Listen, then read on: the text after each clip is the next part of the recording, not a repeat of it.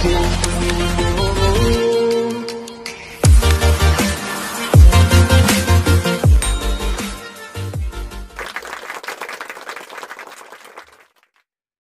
pagi bersama saya Agus Surya dalam acara Beyond Education Podcast. Kita selalu berbicara tentang parenting, coaching, dan motivating dan ada juga beberapa pertanyaan dari viewers semuanya yang sering kita bahas dan sering kita bahas. Dan jangan lupa ketika teman-teman semuanya berasa bermanfaat, silakan langsung saja diklik eh, tombol subscribe.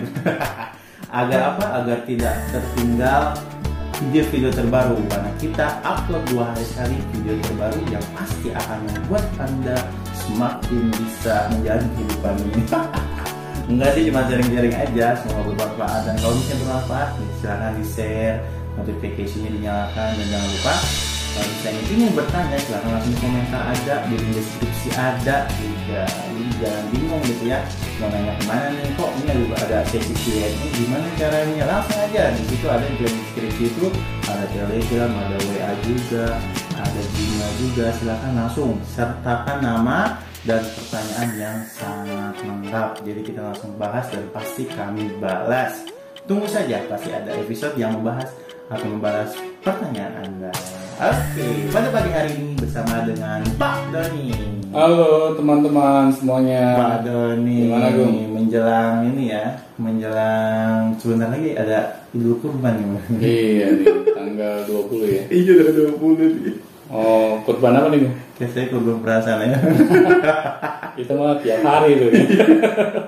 Tapi di dibarengi di bulan-bulan ini banyak juga Pak eh, Ah. seperti di dunia pendidikan ini sedang ada namanya kenaikan kelas. Kenaikan kelas. Iya, Mau jadi masuk tahun ajaran baru ya. tahun ajaran baru gitu kan dengan selama satu tahun ini kita eh, online terus pembelajaran Hmm. ditambah sekarang online lagi. online terus jadi Hidup bagaimana- online. hidup online gitu kan nah di sini juga nih pak orang tuh yang bertanya kan Iya, online ini apa mungkin pusing gitu ya ini? nah jadi ada pertanyaan yang memang menanyakan tentang cara ini dari ibu Aida nanya Mm-mm. ibu Aida dari Serang yuk jauh banget Banten berarti ya Mm-mm. Ibu Aida dari Serang menanyakan ini sebentar mana? Oh ini. Eh, iya. Nah ini dia. Gimana caranya? Eh selamat selamat selamat purification. Oh maksudnya selamat apa sih? selamat ya maksudnya selamat purification. Iya Bu selamat juga. Nah bagaimana caranya memilih sekolah terbaik bagi anak saya? Mm. anak saya eh, kelas 6 SD sudah naik ke satu SMP. Nah, saya meragukan beberapa kualitas sekolah karena ini bersifat online. Itu jadi meragukan beberapa sekolah Karena online, Karena dia nggak bisa online. mengunjungi ya. Betul. Secara fisik. secara fisik dan mungkin ibu Ai- ibu Aida ini memang terbiasa survei mungkin ya. Iya. Tapi karena online mungkin dibatasi gitu. Jadi bagaimana caranya memilih sekolah yang terbaik bagi anak saya agar tetap anak saya bisa berprestasi meskipun pembelajaran online dan meskipun uh, pembelajaran offline masih belum belum Bisa dilakukan. ya belum ini pak belum jelas kapan bisa Kapan ya. sekolah Iya. sekolah sekolah Jadi wajar ya kalau misalnya orang tua itu mensurvei Hmm. sekolah yang diinginkan buat anaknya gitu kan. Kalau kita tidak mensurvei, kita tidak mencoba mengenal sekolah untuk anak kita, ini yang menjadi masalah. Karena kan kita tidak tahu apa yang terjadi di dalam sekolah itu. iya Bagaimana kalau kita tidak survei, kita tidak berusaha mencari tahu, akhirnya anak kita keburu sekolah di situ. Dan akhirnya anak kita ketika menjalani pendidikannya di sekolah tersebut, anak kita mengalami kekecewaan misalnya. Dia tidak puas gitu dengan kualitas pendidikannya. Misalnya guru-gurunya kurang ramah kepada anak. Terus guru-gurunya tidak memberikan arahan bagi masa depannya. Hmm, tidak komunikatif Ah. ngajar doang gitu. Ngajar doang, jejelin dia doang dengan pendidikan akademis. Akhirnya kan kita mempertaruhkan masa depan anak kita. Makanya di sini pentingnya setiap orang tua mau peduli dengan sekolah anak-anaknya. Jangan sampai kita jadi orang tua mindsetnya ketika menyekolahkan anak hanya karena murah gitu, Hmm. hanya karena gratis. Hmm. Ini yang menjadi masalah. Karena saya juga dulu di zaman saya sekolah, saya kan melihat bahwa sekolah yang disebut favorit itu adalah sekolah negeri. Hmm. Hmm, Iya, iya, pasti. Iya. Dulu kan jarang ya. satu. Benar. Zaman saya sekolah seperti itu kan. Tetapi ketika saya sudah masuk ke sekolah negeri, Hmm. Yang dikatakan favorit itu. ah, yang dikatakan favorit itu, Hmm. akhirnya saya ngerasa kecewa gitu. Hmm. Ini favoritnya di mana? Apa karena murah Hmm. disebut favorit gitu kan? Iya. Jenayah? Ah. Nah, di sini kan akhirnya saya melihat bahwa sekolah yang disebut murah, Hmm. disebut favorit itu itu bukan jaminan akan membahagiakan anak-anak yang bersekolah di tempat tersebut gitu. Oh, kalau di zaman saya ada namanya sekolah standar berta- bertaraf internasional. Eh, nasional SB- SBN gitu. Sekolah Ah. bertaraf nasional. Itu seperti apa? Ya kayak sudah tersertifikasi nasional aja gitu. Oh, oke. Jadi Iya. udah disertifikasi oleh pemerintah. oh, bagus katanya nih. Pasti nih setaraf nasional bagus. Tapi ya gitu, sama aja.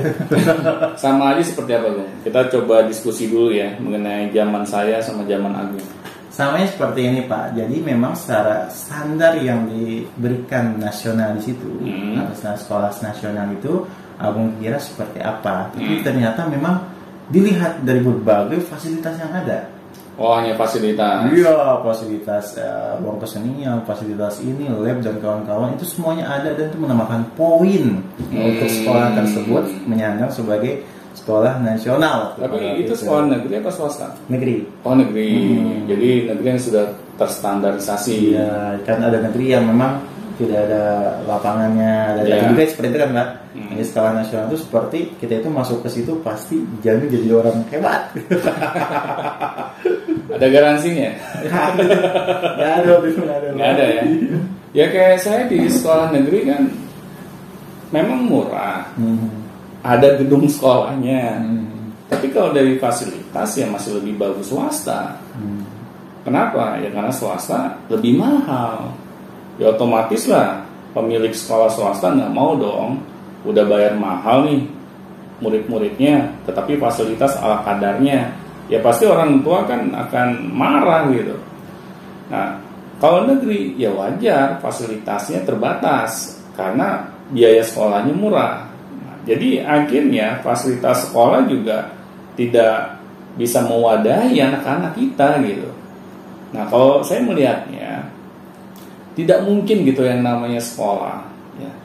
Meskipun sekolah itu sangat mahal, bertaraf internasional, bisa mewadahi seluruh potensi anak. Nggak mungkin. Iya. Apalagi kalau kita hanya bergantung terhadap ekstrakurikuler misalnya. Hmm, fasilitas misalnya. Ah, fasilitas. Iya. Karena gini, kalau misalnya sekolah sampai sanggup menyediakan semua fasilitas untuk mengakomodir seluruh potensi anak, Hmm, seluruh minatnya anak. Ya. Hmm. orang tua harus bayar berapa? Kan sekarang gini, kalau kita ingin mewadahi potensi anak ya, itu tidak cukup hanya fasilitas infrastruktur. Yang harus diutamakan malahan para pengajarnya. Misalnya anak kita nih berbakat di dunia keatletan. Ya ambil contoh deh basket. Nah, seharusnya pelatih basket yang melatih anak-anak kita ini ini bukan sekedar misalnya alumni sekolah tersebut yang akhirnya dia bisa menjadi seorang pelatih, tetapi memang pelatih yang bertaraf nasional. Karena kenapa kalau seorang pelatih tidak memiliki sertifikasi nasional, Hmm. akhirnya dia dipertanyakan gitu. Ah, kemampuannya dia dalam mendidik Iya, anak-anak betul. kita. Karena saya juga dulu pernah merasakan gitu, waktu Hmm. saya ikut ekskul basket di zaman saya sekolah, kok skill saya nggak berkembang. Hmm. Pas saya ngelihat seperti itu cara dia mengajar, akhirnya saya mencoba alternatif lain. Saya ikut klub basket. Saya ngambil apa namanya eh, tempat latihan itu di luar sekolah malah. Hmm. Nah akhirnya pas saya ikut klub, saya melihat oh ternyata pelatih-pelatih di klub ini semuanya sertifikasi nasional. Jadi memang orang-orang yang mumpuni gitu. Jadi waktu saya latihan basket dari awal saya latihan itu mereka sudah memiliki program yang jelas. Bukan cuma lari-lari keliling lapangan doang gitu. Kalau di SMA kan segitu ya Pak ya, Iya. lari, fisik gitu. Benar. Jadi nggak ada program yang terstruktur gitu. Akhirnya bagaimana skill kita akan bertambah baik gitu. Hmm. Nah di sini kan setelah saya ikut klub, saya baru menyadari oh ternyata ada perbedaan gitu. Hmm. Ketika saya ikut ekskul di sekolah, sama saya ikut klub. Karena di klub ini lebih profesional gitu orang-orangnya. Akhirnya skill saya berkembang pesat. Hmm. Meskipun saya hanya latihan satu bulan, bayangin. Sampai teman saya bisa melihat, Don lo anak klub ya? Kok lo main basketnya nggak on lagi kayak dulu? Iya kan? Iya. Ternyata skill saya berubah gitu. Dan teman-teman saya yang anak-anak basket menyadari. Ternyata ada perkembangan skill yang saya miliki gitu. Hmm, jadi memang tidak bisa diserahkan seluruhnya potensi itu ke sekolah ya Pak? bisa. Nggak bisa. Karena sekolah juga nggak sanggup gitu. Hmm. Kalau dia sampai meng-hire nih orang-orang hebat, Hmm. sanggup membayar berapa pihak sekolah ke mereka? Belum lagi fasilitas sekolah seperti infrastrukturnya. Kan potensi anak ini kan beragam, berbeda-beda gitu. Iya. Sulit gitu bagi pihak sekolah untuk menyediakan semuanya di lingkungan sekolah. Akhirnya sekolah ujung-ujungnya hanya menekankan di sisi akademi semata. Oh, pantesan itu yang sekolahnya tidak ada ruang keseniannya tuh Hmm. temboknya coret isinya coretan semua mungkin ada potensi anak yang di situ Iya, juga yang nggak bisa tergali. Wah sebenarnya kan dia mural tuh, Iya, wah, tapi tapi nggak ada wadahnya jadi sekolah ada coret-coret itu. Benar. Kalau saya sih melihat bahwa setiap anak ini kan memiliki potensi, Hmm. memiliki bakat minat. Tetapi kalau tidak diwadahi, akhirnya jangan salahin anak kalau anak ini selalu melakukan sensasi-sensasi yang negatif gitu. Hmm. Sebenarnya mereka ini kreatif gitu, Betul. karena nggak ada wadahnya, akhirnya kelihatan anak bandel. Hmm. Di inilah di dalam apa eh, WC gitu kan ada Iya. gambar itu bagus tapi bagus gambarnya gitu. Benar. Di WC. Nah makanya kalau saya menyarankan ke setiap orang tua Hmm. ketika ingin menyekolahkan anak-anaknya, pilihlah sekolah yang memang bisa mewadahi gitu potensi anak-anak mereka. Nah terutama para pendidiknya harus mau mewadahi, mengarahkan. Karena kalau pendidiknya hanya bisa menyejalkan pendidikan akademis saja kan, anak, Hmm. anak yang menderita nantinya. Hmm, apalagi kalau standarnya itu adalah nilai UN bagus. Itu. Nilai rapot. Jadi disebut favorit karena nilai UN-nya bagus gitu. 100% dulu. Iya, itu kan parah banget gitu. Ya makanya kan anak-anak kenapa sih mereka lebih senang dengar bel pulang dibandingin bel masuk? Karena mereka tersiksa di dalam sekolah gitu. Kan seharusnya orang tua menyadari dulu gue seneng sekolah gak sih? Jangan-jangan orang tuanya lebih parah gitu dibandingin anaknya. Nah, tetapi kenapa kalau kita nih sebagai orang tua udah sadar kita dulu benci yang namanya sekolah? Kenapa kok kita tidak melakukan sebuah perubahan gitu untuk pendidikan anak-anak kita? Nah, di sini yang jadi masalah gitu kalau orang tua tidak mau belajar gitu. Masa sih kita sudah mengalami pengalaman yang buruk gitu di zaman dulu kita sekolah. Masa anak kita harus memegang tongkat estafet berikutnya? Apakah kita nggak kasihan gitu sama anak masa depan mereka? Hmm, Berarti orang tua juga harus bercermin ya Pak ya. Kenapa? Memang harus bercermin dan evaluasi. Iya, gitu. benar. Dulu, misalnya si ibu ini nih, Iya, gimana sih cara dia pilih sekolah yang favorit? Tanya kepada dirinya gitu kan. Dulu, Iya. dulu pas SMP dia suka iya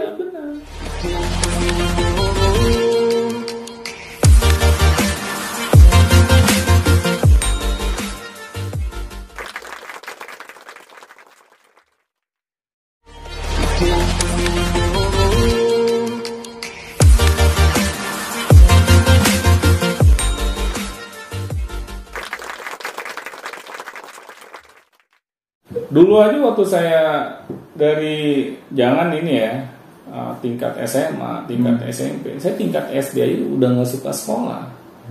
Kenapa saya nggak suka sekolah? Karena saya ngerasa saya dipaksa untuk menguasai semua mata pelajaran dan nilainya harus bagus semua. Dan akhirnya saya merasa mendapatkan tekanan seperti itu. Saya jadinya nggak nyaman gitu. Saya merasa kok gue dipaksa ya, kok gue harus menyukai semua mata pelajaran ya. Terus saya lihat juga guru-guru saya juga nggak semuanya bisa memahamkan mata pelajarannya ke anak gitu. Akhirnya kan saya terpaksa gitu harus ngambil les tambahan Hmm. biar bisa paham gitu kan. Hmm. Nah tetapi kan karena saya ngerasa di sekolah saya udah capek, Hmm. akhirnya pas disuruh ngambil les tambahan, ya saya sukanya cabut gitu kan. saya menghindar gitu. Nah ya karena ya wajar lah ya namanya juga anak-anak ya. Kita Hmm. kan merasa apa? Apakah nggak cukup gitu belajar dari pagi sampai siang di sekolah? Iya, pasti berpikir seperti itu kan. Iya. Apa harus ngambil les tambahan lagi sampai sore?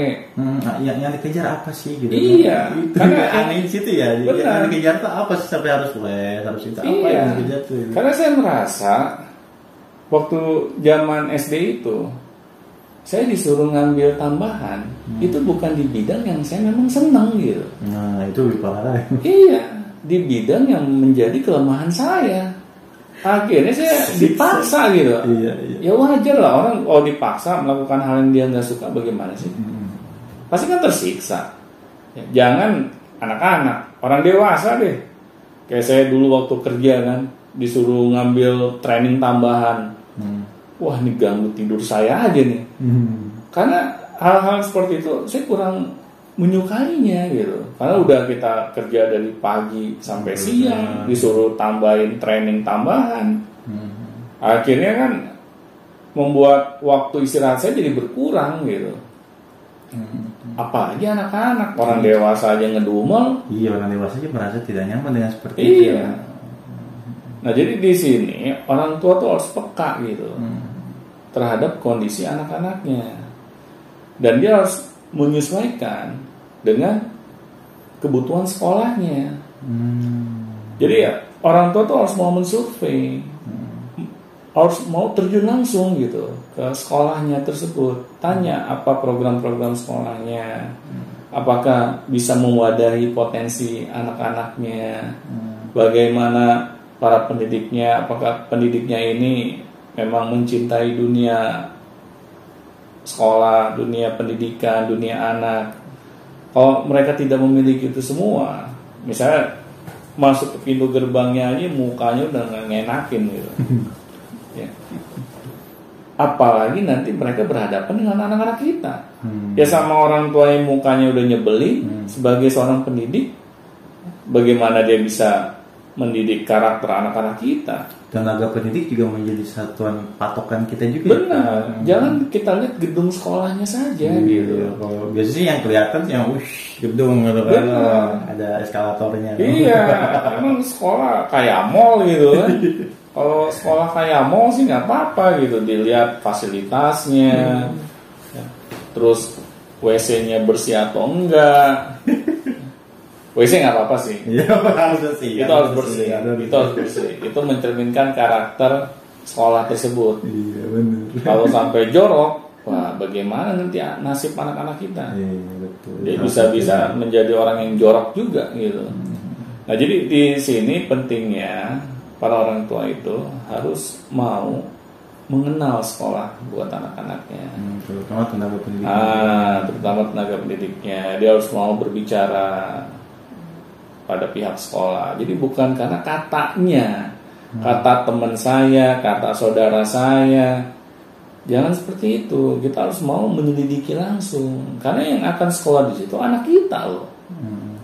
Jadi jangan sampai kita ini masuk terperangkap di kandang harimau gitu. Pas kita udah nyekolin anak kita, kita udah bayar mahal, Iya.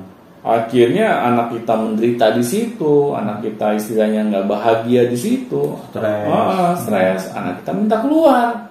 Hmm. Nah sayang sayang kan. Iya, kan kita sudah spend uang berapa banyak di situ. Iya, sayang waktu, Itu. sayang ini. Iya. Nah, jadi kan sangat disayangkan gitu kan kalau kita ini menganggap sepele. Sekolah-sekolah di tempat di mana anak-anak kita ini mengenyam pendidikannya.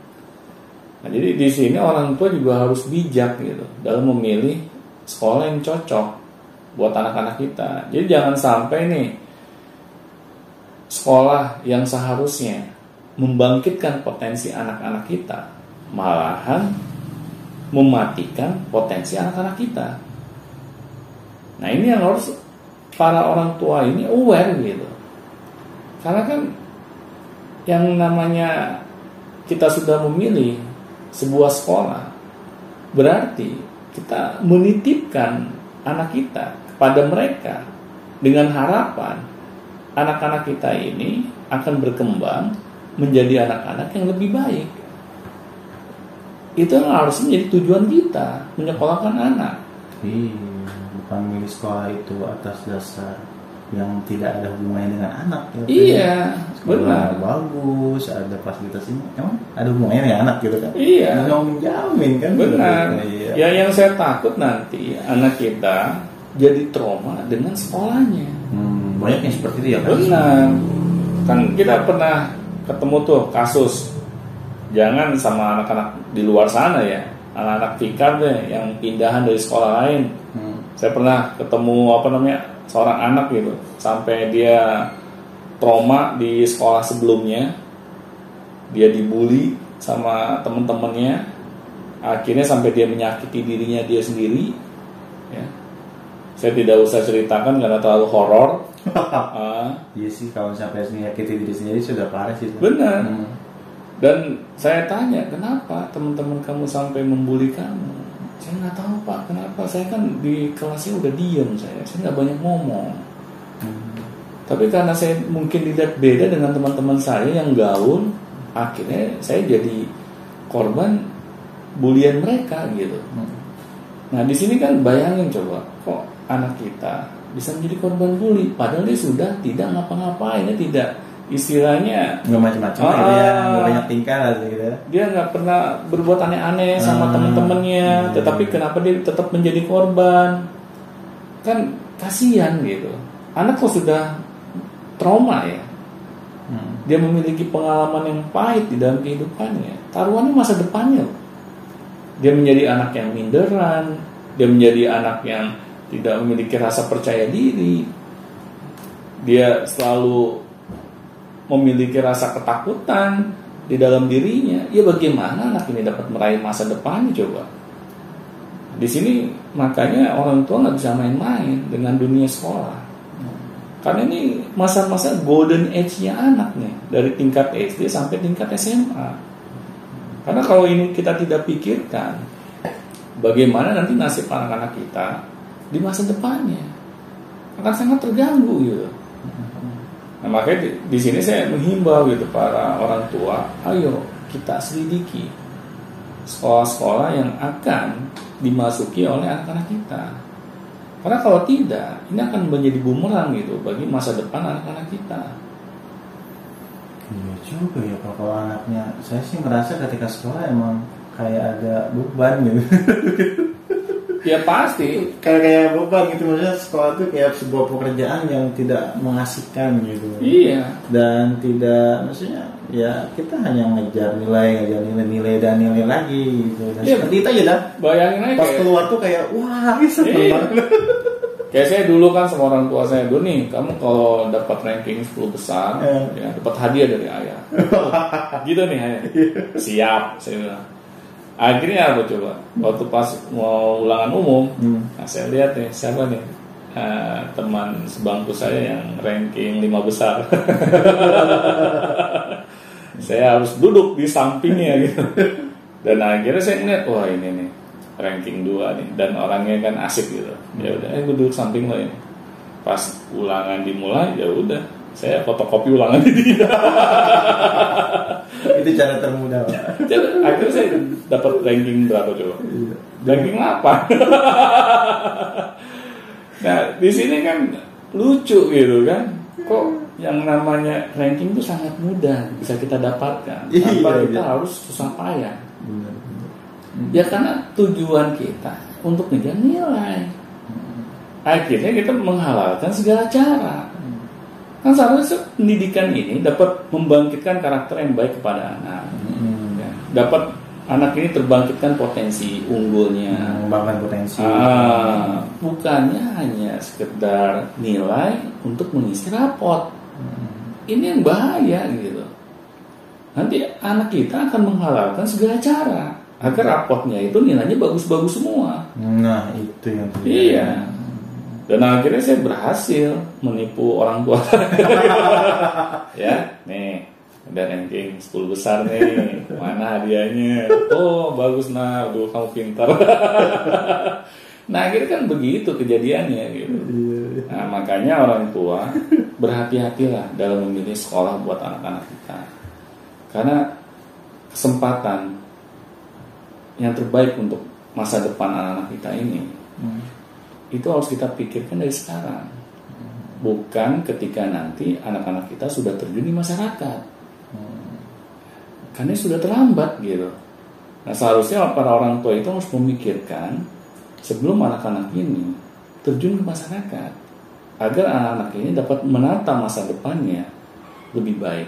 Oke, terima kasih Pak Doni.